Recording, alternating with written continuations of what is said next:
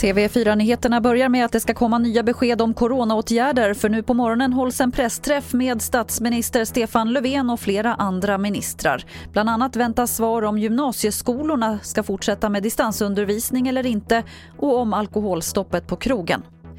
För att få igång resandet vill flera turistländer i Sydeuropa införa gemensamma regler om ett vaccinpass så att den som är vaccinerad kan resa fritt. I Danmark till exempel jobbas det på att få fram ett sånt intyg men för svenska resenärer är det fortfarande oklart vad som kommer att gälla.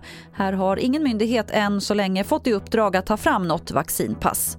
Och vi avslutar i USA där Joe Biden nu har skrivit under sina första beslut som president och han har rivit upp flera av Donald Trumps beslut. Samtidigt är det många utmaningar som väntar den nya presidenten. Stefan Borg rapporterar från Washington. pandemin är ju det stora akuta problemet. Här i Washington har man inte märkt så mycket av det här för här röstar nästan alla på Biden men ute i landet så kommer man säkert att se eh, en stor splittring och frustration över att Biden tar över efter Donald Trump som ju faktiskt fortfarande är populär på många håll trots allt som har inträffat. Det var det senaste från TV4 Nyheterna. Jag heter Lotta Wall.